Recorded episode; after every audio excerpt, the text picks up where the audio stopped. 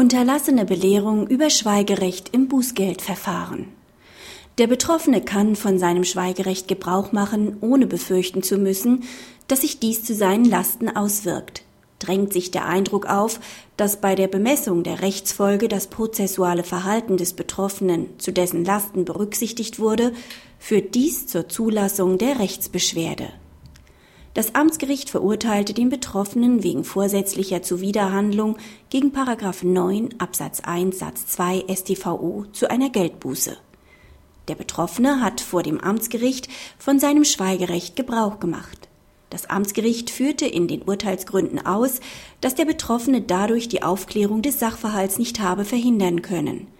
Zugleich hat das Amtsgericht die Geldbuße gegenüber dem Bußgeldbescheid von 35 Euro auf 120 Euro erhöht. Auf die Rechtsbeschwerde des Betroffenen hob das Kammergericht das Urteil auf. Das Kammergericht verweist darauf, dass die Gründe des angefochtenen Urteils die Annahme begründet, der Tatrichter habe das Schweigen des Betroffenen im Rahmen der Bemessung der Geldbuße zu seinen Lasten gewertet. Die vom Tatrichter gewählte Formulierung legt es nahe, dass der Tatrichter die Geltendmachung des Schweigerechts als ungehöriges Verhalten gewertet hat, das darauf abzielt, die Aufklärung des Sachverhalts durch das Gericht zu erschweren. Daher besteht die Besorgnis, dass der Tatrichter das Schweigerecht, welches zu den Wesensmerkmalen eines rechtsstaatlichen Straf- und Bußgeldverfahrens gehört, als unlauter und seine Tätigkeit als unnötig erschwerend begriffen hat.